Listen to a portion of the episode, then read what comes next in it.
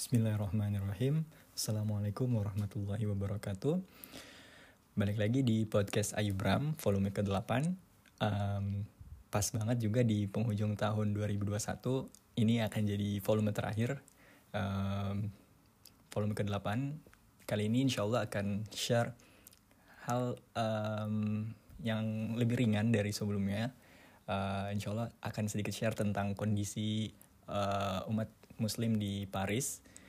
Um, kenapa pengen share itu? Karena keinget aja sih ini ke beberapa hari kemarin waktu apa namanya video call sama orang tua itu um, pada suka nanyain gitu gimana di sana umat Islam banyak nggak um, apakah banyak yang berjilbab kayak gitu-gitu nah, mungkin juga ini bisa sekaligus merecap apa yang saya alami di sini uh, di Paris dan juga mungkin di Italia sedikit tentang Islam di sana. Dan juga pas banget ini hari Jumat tadi di akhir tahun 2021 habis Jumatan kepikir ini draft uh, volume ke-8 mending share tentang gimana sih uh, uh, perkembangan gitu atau umat Islam di sini tuh seperti apa banyak atau enggak di tengah kondisi mereka yang minoritas ya di sini. Oke, sebelum masuk sharing ke topik tentang itu, mau share dulu di bulan Desember ini uh, cuaca di Paris lumayan ini ya dingin karena udah masuk winter. Um, Masya Allah. Pertama kalinya juga uh, ngerasain winter itu rasanya luar biasa uh, mix ya mix feeling. Karena selain cuacanya dingin itu jam apa uh, jamnya juga berubah ya jam di tubuh itu berubah. Karena uh, siangnya lebih muda, siangnya lebih singkat gitu. Uh, terbitnya matahari di sini sekitar setengah delapan sorry setengah sembilan. Uh, jadi jam delapan itu masih gelap gitu. Kadang kemarin di Desember awal-awal juga ada kelas setengah sembilan jadi sebelum subuh itu udah harus berangkat gitu. Kalau kelasnya satu jam ada yang uh, kelasnya harus naik kereta 45 menit jadi berangkatnya sebelum subuh. Dan masih gelap dan pulangnya juga gelap gitu. Nah di sini setengah sembilan itu baru terbit kemudian ter terbenamnya matahari jam 5 masya Allah. Jadi panjangnya malamnya lebih panjang gitu. Nah di bulan Desember ini juga atau di winter ya katanya saya baca-baca gitu ada yang namanya winter blues. Jadi kayak sama kayak uh, mungkin ibu ya yang baru melahirkan ada namanya uh, baby blues yaitu dia sedih ketika ngeliat bayinya. Nah winter blues ini juga terjadi ketika uh, untuk orang-orang di musim di empat musim itu ketika winter dia merasakan sedih down nggak uh, apa nggak semangat malas ngapa-ngapain. Ya itu karena katanya ya um, asupan mataharinya itu sedikit gitu jadi dia jarang keluar karena lebih sering gelap jadi mempengaruhi moodnya. Nah itu mungkin juga yang kayaknya saya rasakan sekarang ya. Kadang-kadang ngerasa lemes uh, apa males terus kayak nggak mood mau ngapa-ngapain. Padahal deadline lagi banyak-banyaknya nih di Desember dan Januari nanti gitu. Oke itu mungkin sedikit curhat di bulan Desember dan winter di Paris karena memang cuacanya lumayan ekstrim menurutku ekstrim ya. 0 derajat sampai minus 1 kemarin sempat. Walaupun sekarang standarnya udah ke 11 12 gitu. Ya tetap dingin juga. Tapi so far alhamdulillah pengalaman barunya uh, masih bisa di manage dengan baik. Insya Allah oke. Okay. jadi uh, kali ini tadi sudah sampaikan bahwa banyak pertanyaan gitu ya soal gimana sih umat Islam di sana gitu di Paris di, mana mayoritas di sini memang uh, eh, non Muslim jadi um, mama juga waktu sempat kalau misalnya video call atau uh, telepon gitu nah, suka nanyain kok itu di belakangnya ada yang pakai jilbab? Loh ya iyalah maksudnya saking apa mungkin stigmanya bahwa di Paris itu atau di negara di Eropa itu tidak ada orang Islam sama sekali. Faktanya adalah uh, tidak seperti itu gitu. Umat Islam di sini alhamdulillah se sejauh ini selama saya misalnya uh, setiap hari Jumat gitu uh, Jumatan di sini di Paris itu ada Grand Mosque atau masjid besarnya itu selalu penuh alhamdulillah kalau Jumatan ya um, dan saking penuhnya itu Jumatannya sampai dua ronde atau dua kloter gitu. Jadi kadang jam setengah satu itu penuh sampai keluar juga. Dan apa namanya setengah satu terus ada lagi kloter kedua setengah dua gitu. Itu juga penuh jadi ngantri orang kloter satu ganti um, keluar yang masuk juga ngantri gitu. Masya allah jadi kaget sih juga waktu awal wah ternyata banyak ya uh, orang muslim juga di sini gitu. Walaupun masjidnya terbatas di Paris sendiri saya taunya ada kurang di kota Paris ya.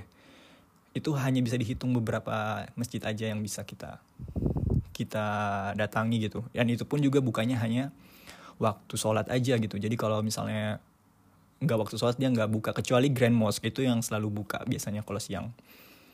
Nah ini banyaknya dari mana?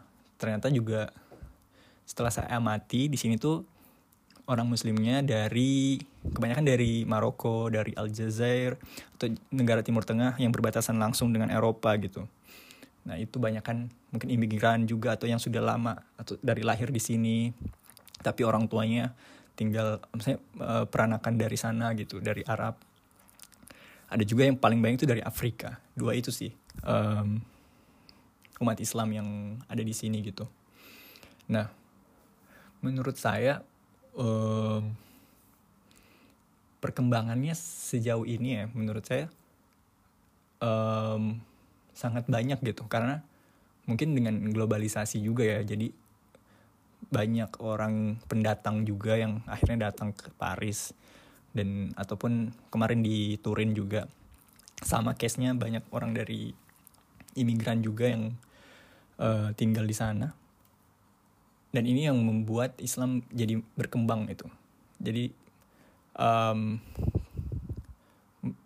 dengan banyaknya pendatang itu akhirnya masjid-masjid di sini juga alhamdulillah penuh. Um, ada juga beberapa orang lokal sih misalnya uh, dari Eropa sendiri gitu. Walaupun dilihat dari penampilannya memang dia uh, orang misalnya mualaf kayak gitu tapi nggak banyak. Banyak kan orangnya dari imigran sih kalau sejauh ini yang saya lihat. Nah di Paris sendiri yang mau saya share kenapa kenapa uh, Paris gitu? Padahal Paris ini adalah negara sekuler ya yang terkenal banget gitu. Yang memisahkan antara kehidupan pribadi dengan agama gitu. Padahal um, justru di negara yang sekuler ini Islamnya bertumbuh juga gitu. Banyak. Nanti teman-teman kalau misalnya bisa ke sini nanti datang ke masjid-masjidnya pas Jumatan. Itu selalu rame. Bahkan dijagain polisi saking ramenya gitu. Nah di negara sekuler ini justru Allah lihatkan gitu. Hidayahnya itu uh, memang Allah kasihnya untuk orang-orang tertentu aja. Dan ada misalnya orang lokal yang di sini yang Allah kasih juga ada. Tapi terbatas ya. Um, tapi sekulerisme di Prancis khususnya di Paris itu benar-benar kerasa sih. Pertama di asrama tempat saya tinggal sekarang itu tidak boleh ada kegiatan agama bahkan gereja itu tidak ada di sini gitu. Jadi orang yang mau kuliah uh, mau ibadah itu harus keluar. Uh, jadi di asrama di kampus tidak ada masjid musola. Dan tidak boleh belum ada saya lihat orang yang sholat di taman atau karena mereka benar-benar melarang gitu aktivitas agama diperlihatkan ke dalam publik gitu. Nah, um, bahkan juga waktu itu saya sempat tanya ke ke administrasi di kampus ada nggak tempat sholat gitu.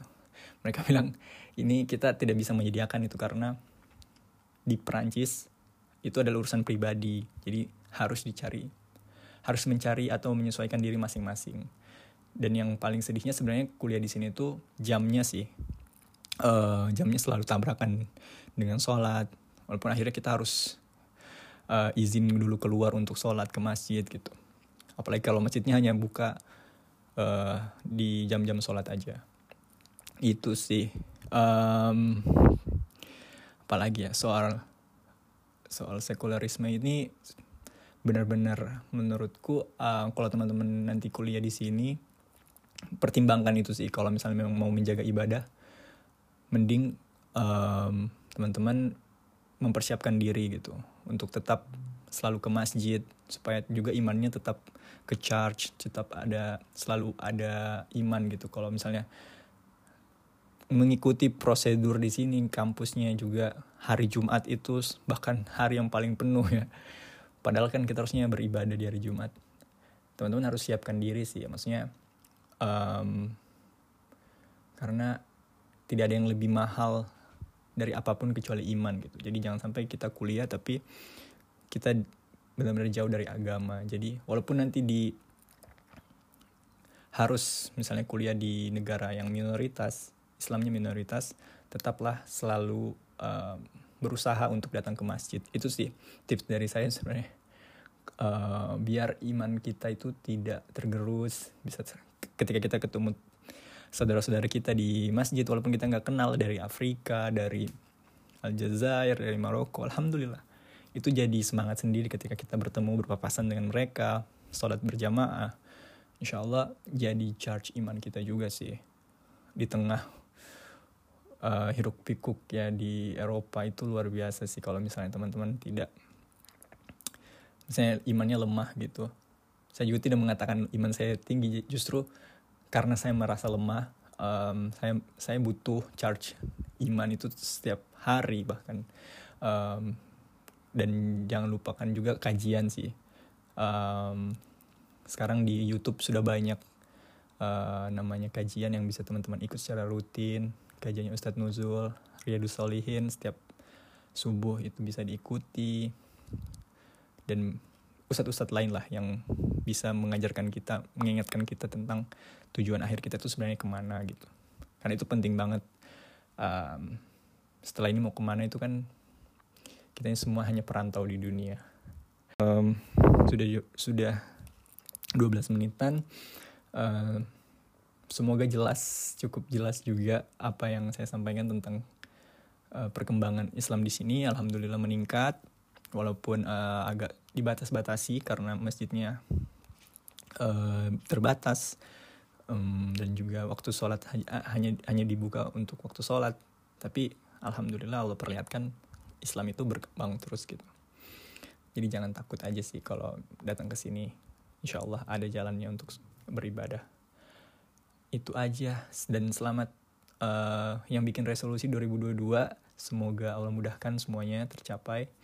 Um, dan kita mengambil pelajaran di 2021 di tahun ini lumayan banyak tantangan kita yang masih covid juga. Apalagi di sini juga 2021 uh, sorry malam malam tahun ini tahun baru ini juga lagi naik-naiknya nih kasus Omicron. Semoga Allah jaga kita semua.